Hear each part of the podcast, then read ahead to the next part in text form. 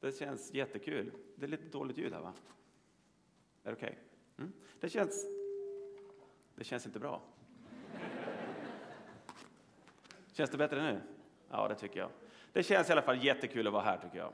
Eh, det känns roligt att komma till en kyrka där det finns en gudstjänstfirande gemenskap. Det känns jätteroligt att sitta här framme och höra att det är en församling som sjunger. Det är inte alltid heller en för... alltså det är inte alltid, alltid så överallt idag kan jag säga. Eh, det är jätteroligt. Om ni sitter och undrar liksom vad det är, varför jag har ett sånt här kors på mig idag så är det inte bara för att jag gillar bling-bling, eh, för det gör jag, men utan därför att vi ska, ska tala om mission idag. Eh, jag ska tala om den stängda dörren i mission och stängda dörrar i livet. Och den här har jag fått ifrån Kenya och jag bär den som, ja, för att jag vill hedra mina vänner idag. Innan jag börjar så vi ber tillsammans. Tack Herre för alla tillfällena när vi får samlas tillsammans inför ditt ansikte. För att hämta kraft, för att stanna upp, för att sola oss i din härlighet. Herre, jag ber att du ska ge oss det vi behöver idag. Jag ber Herre för att du ska öppna ditt ord för våra hjärtan. Jag ber Herre att du ska öppna våra hjärtan för ditt ord. Kom helige Ande, kom. Amen. Nästan varje år så åker jag och min familj till Tosselilla sommarland. Det har nästan blivit som en tradition att vi samlas där, lite nära och kära. Det är ett ganska bra ställe att vara på för att det finns någonting för de flesta i åldrarna att göra. Eh, jag är inte jätteförtjust i jättesnabba karuseller. Och så. Jag kan tänka mig att bada och jag gillar att köpa glass och gå till lotteribodarna som finns där.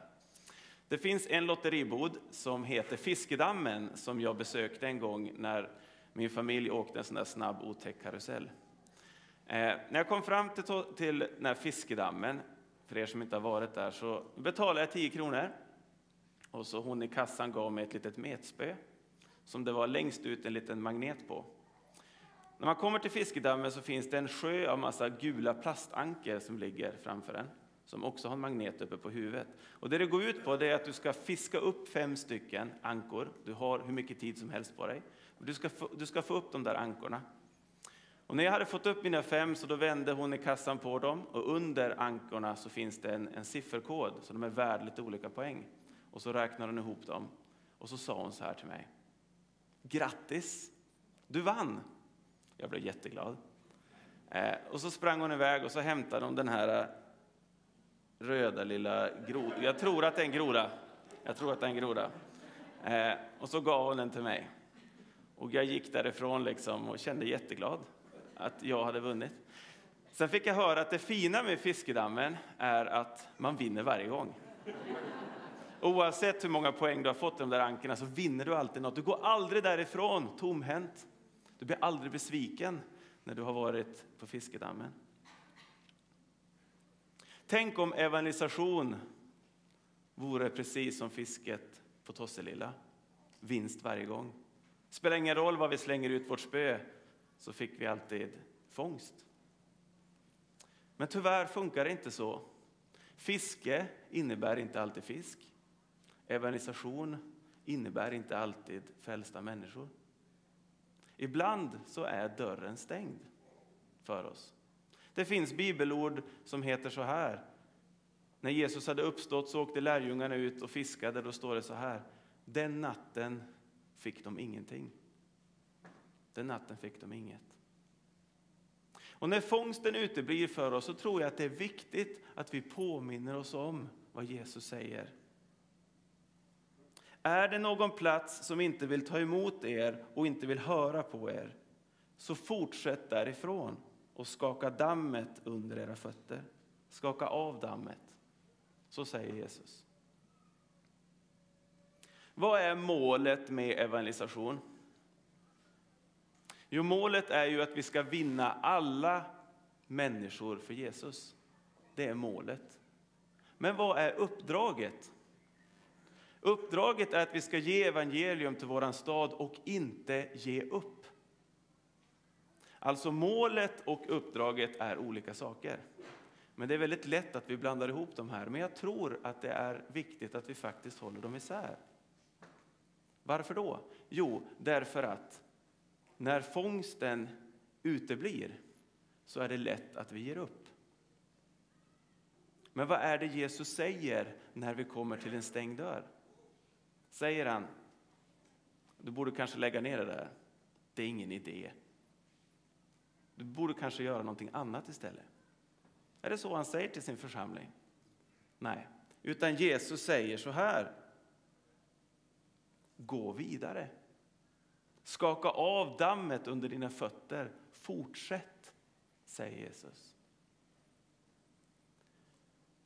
Tro inte bara för att du har Jesus i ditt liv att liksom alla dörrar kommer öppnas för dig. Jo, en dörr kommer att öppnas för dig och det är dörren till himlen. Det är garanterat. Himlen är öppen för dig. Jesus har öppnat den. Men det betyder inte att alla andra dörrar i livet kommer att öppnas. Hur många stängda dörrar knackade inte Josef och Maria på i Betlehem innan de fick komma in till stallet? De bar på Jesus, men det var många stängda dörrar innan de kom in. Paulus han vet också vad jag talar om. Vid ett tillfälle så ber han faktiskt församlingen i Kolosse om, om hjälp. Han, han ber om förbön och han säger så här.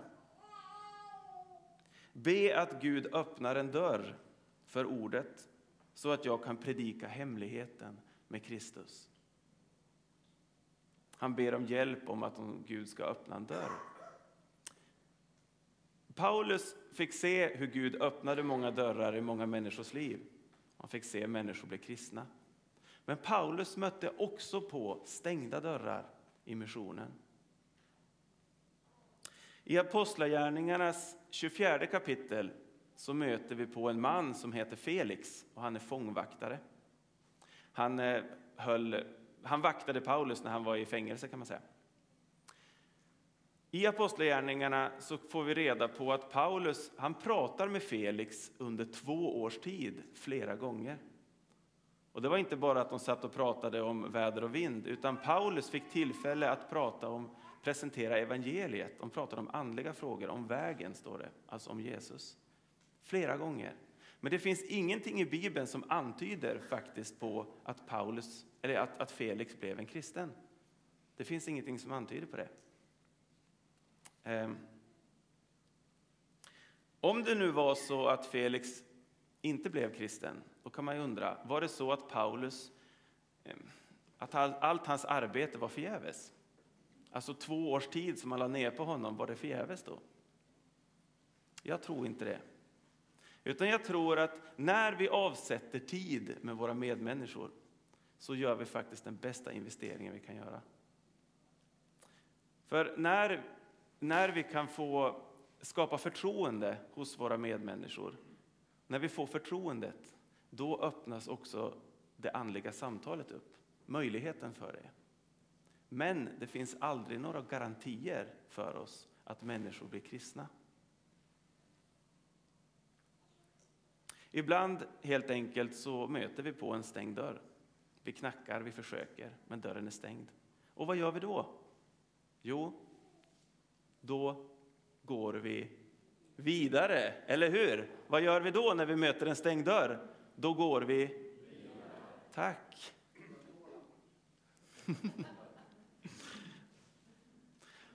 Och när vi går vidare, då kan Gud sända någon annan till den personen som tar vid där vi slutade. För Gud kan nämligen behöva jobba med en person från flera olika håll under en lång tid förrän en person är mogen för en tro på Jesus. Men är dörren stängd så, så behöver vi gå vidare, för då kan vi faktiskt inte öppna den själv. Vi kan försöka. Jag har haft flera sådana dörrar som jag verkligen har försökt bända upp. Att förstår du inte detta? Att jag vill att han ska släppa in Jesus. Men det går inte. Jag tröttar bara ut mig. Eh, vi kan försöka, men vi tröttar ut oss. För hur mycket vi än vittnar om Guds kärlek och nåd så kan vi nämligen aldrig utföra Andens verk. i en människas hjärta. Endast Gud kan lysa upp en människas hjärta för att kunskapen om Guds härlighet som strålar från Kristi ansikte ska sprida sitt ljus. Så står det i Andra Korinthierbrevet.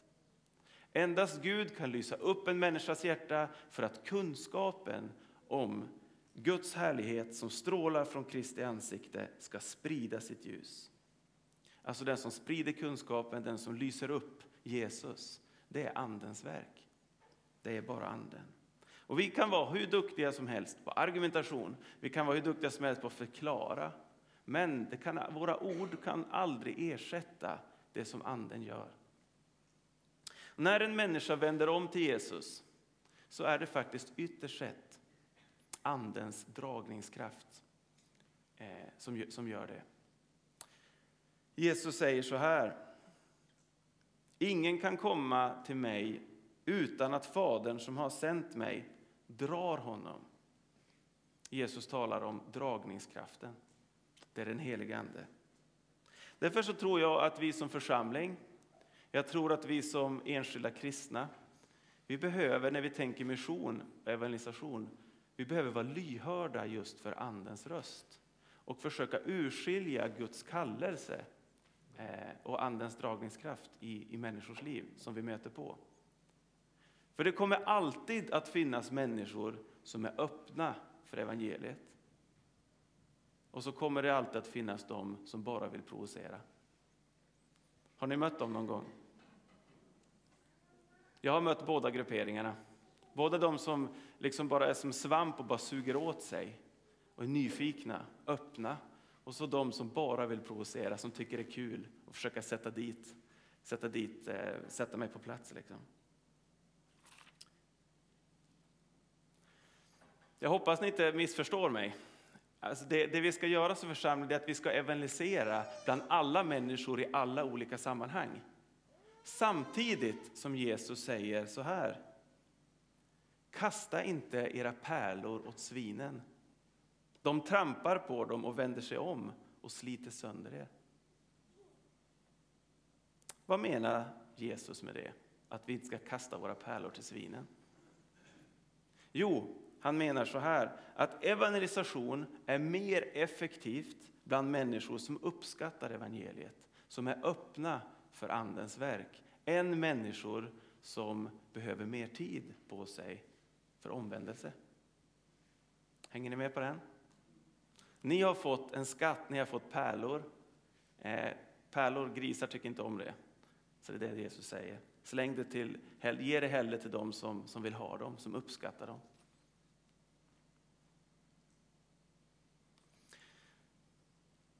Jag har predikat nu så långt om evangelisation, om stängda dörrar i missionen. Hur vi ska liksom hantera dem. Jesus säger gå vidare. Målet är att alla människor ska eh, bli frälsta. Men uppdraget är att vi ska ge, inte ge upp, utan fortsätta. Jag skulle vilja säga någonting idag också om stängda dörrar i livet. För som kristna så kan vi också möta på stängda dörrar. Det har jag i alla fall fått uppleva de sista månaderna. Tre dörrar har stängt för mig på en väldigt kort tid, bara på några månader, som liksom har smält igen på ansiktet på mig. Jag skulle vilja dela med mig av de dörrarna för er. Den första dörren som slängdes igen, den gjorde jag faktiskt själv. Jag gjorde det av rädsla. Jag fick nämligen ett jättefint jobberbjudande. Men eh, jag kunde liksom inte ta emot det. Det blev för mycket för mig. Så jag stängde dörren, låste om mig. Det var den första dörren. Den andra dörren som stängdes, det var inte mig själv, utan det var omständigheter i livet som stängde. Som jag berättade för er så gör jag nu adjuntsåret i Svenska kyrkan. Eh, och jag blev placerad av biskopen att jag skulle få vara ett helt år i Båstad och Östra Karups församling. Så jag har förberett mig under ett halvår på att jag ska dit. Vi köpte till och med en ny bil för att jag ska kunna pendla dit från Kvidinge, fram och tillbaks. När jag börjar så får jag reda på att i mitt arbetslag så finns det tre stycken andra präster. Och jag har jobbat i EFS i många år i Andreaskyrkan och aldrig haft liksom ett arbetslag med en annan präst. Så det här var någonting jag såg fram emot, ha tre präster. Men när jag började där så fick jag reda på att den ena efter den andra slutade. Den ena prästen blev sjuk, den andra flyttade till Borås och den tredje fick ett annat jobb i Bjuv. Eh, så plötsligt efter några månader så stod jag där själv som präst eh, på två kyrkor. Jag hade inte ens en handledare, för min handledare stack ju också. Så då sa stiftet och biskopen att men Joel kan inte vara kvar där heller. Han får vi flytta på. Så de bara tog bort mig därifrån och jag fick inte bestämma varken att jag fick vara kvar eller var jag skulle hamna. Så de placerade mig i Åstorp istället, där jag är nu. Jag hade verkligen förberett mig, men det blev verkligen inte alls som jag hade tänkt. Utan dörren stängdes på grund av omständigheter. Den, eh,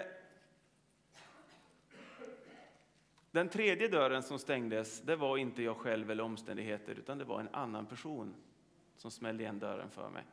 Det gjorde riktigt ont. Det var, det var den jobbigaste av alla dörrar. Eh, för ungefär under två års tid så har jag skrivit ett nytt bokmanus. Och i januari så skrev jag avtal med ett, en förlagschef och ett litet bokförlag. Och var jätteglad för det. Ehm, det här lilla förlaget, förlagschefen sa det att vi vill gärna söka pengar, eh, ett bidrag, så att, innan vi ger ut den, för att då kan det bli en större upplaga. Men, sa förlagschefen, i avtalet så skriver vi en liten konsul att om inte det blir något bidrag så kommer boken ändå att ges ut. Eh, det var alltså ett avtal på nöd och lust, skulle man kunna säga. Så jag hade både muntligt och skriftligt. Men sen kom nöden. Inget bidrag gavs och alla löftena som jag hade fått, de var plötsligt ingenting värt. Jag var i Malmö och åkte, satt i en buss i Malmö och åkte runt omkring och fick plötsligt ett, ett mejl i min mobiltelefon som plingade till. Det var förlagschefen som skrev. Alltså jag fick ett mejl, jag fick inget telefonsamtal utan ett mejl där han, han skrev att han hade omvärderat situationen och bröt vår överenskommelse och kunde eller ville inte leverera. Jag brukar säga till mina konfirmander att det är faktiskt inte okej okay att göra slut på sms eller mejl. Eh, man tar i alla fall upp telefonen, tycker jag. Eh, jag blev jätteledsen. Jag såg ungefär ut så här. Ska se om vi får en bild. Det där var jag. Matadoren i Tjuren Ferdinand. Stackars matadoren. Alla tittar på och det blev inte alls som man hade tänkt. Dörren stängdes. Han fick inte visa hur tapper han var med sitt svärd och sin cap. I lust så går allting bra. Då är det lätt för oss att ge löften till varandra. Men när nöden kommer, då stängs ibland dörrar. Löften som har givits bryts och människor blir ledsna. Särskilt de som blir lämnade utanför. De som blir lämnade ensamma. Vi lever i en, i en värld av svikna löften, brutna löften, tomma eder. Det är så vår värld ser ut. Överenskommelser som man säger men som plötsligt tas tillbaka. Man försäkrar sig om att någonting ska göras, så händer ingenting. Många gånger så kan de här orden sägas med pompa och ståt. Du kan höra din chef säga så här. Ni som jobbar här, ni kan försäkra er om att om ni gör ett bra arbete, då blir man belönad. Ni kan få höra orden i kyrkan uttalas som säger så här. Jag ska älska dig för evigt, tills döden skiljer oss åt. Men ord har en förmåga att skingras. De är som höstlöv i en storm, bara försvinner. Ibland stängs dörren mitt framför näsan på oss plötsligt. Frågan är då, vad gör vi? Vad gör vi med våran rädsla? Vad gör vi med vår ilska, vår sorg? Vad gör vi med vilsenheten, bitterheten?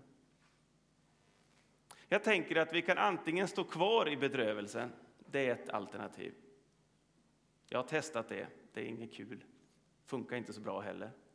Ett annat alternativ vi kan göra är att vi kan gå till Gud.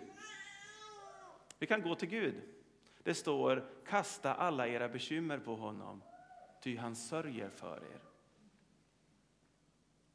Vi är aldrig så mäktiga, vi är aldrig så starka att vi inte behöver be till Gud. Människor som inte ber, de har faktiskt ingen högre makt än sig själv att gå till när de behöver hjälp. Människor som inte ber, de mina vänner, de har det riktigt svårt. Men du och jag, vi har en Gud att gå till. När vårt liv, liksom, när vi misslyckas, när, när livet går sönder, när vi blir sårade, när vi blir ensamma där bakom dörren, då behöver du och jag påminna oss om att Gud finns med oss i vårt misslyckande. Gud finns med dig i din sorg, med dig i din ensamhet. Gud lämnar oss aldrig. Det är någonting som Gud har visat för mig i alla fall under de här månaderna. Jag kommer snart till det. I Hebreerbrevet i Nya testamentet så står det så här. Herren är min hjälpare, står det. Det grekiska ordet för hjälpare här i Hebreerbrevet, det är boetia. boetia. Jag vet inte om jag uttalar det rätt. Men det är i alla fall två ord som man har satt ihop till ett. Eh, det ena ordet är boe och det betyder ett rop, alltså någon som ropar. Och det andra ordet är teo och det betyder att springa. Ett, att ropa och att springa. När dörren stängs för dig och du ber Gode Gud hjälp mig, då kommer Gud springandes till dig med ett rop. Jag kommer. Gode Gud hjälp mig. Då svarar Herren. Jag kommer. Det är en sån Gud som du och jag har. En hjälpare som kommer springandes för att hjälpa dig när du behöver det. Det är fantastiskt. Gud tar aldrig rast, liksom aldrig ledigt. Han finns alltid hos dig. Kommer ni ihåg den där stängda dörren som jag stängde själv på grund av rädsla? Jag ropade Herre hjälp mig och han kom. Och han gav mig mod och han gav mig tro att våga öppna den där igen och ta steget igenom. Och det är därför jag ska börja i Lerberget. Jag är väldigt tacksam för att han gav mig den, den tron. Det känns jättebra nu. Den här dörren som stängdes i Båstad, den, den är stängd för gott. Det blev verkligen inte alls som jag hade tänkt mig. Men det blev bra ändå. Det blev någonting annorlunda, kanske till och med bättre. Den här dörren som stängdes för förlagschefen, det gjorde jätteont. Men Gud har hjälpt mig att gå vidare. Han har hjälpt mig att, att lämna. Och nu har jag fått ett nytt bokförlag, jag har fått ett nytt kontrakt och boken kommer ut nu i sommar istället. Vad är det jag vill säga till er idag? Jo, det är så här att Gud, Gud är god. Han kanske inte öppnar alla dörrar för dig, men med Gud så finns alltid en fortsättning. Det är därför som du ska gå vidare. Det är därför som du ska gå med Gud.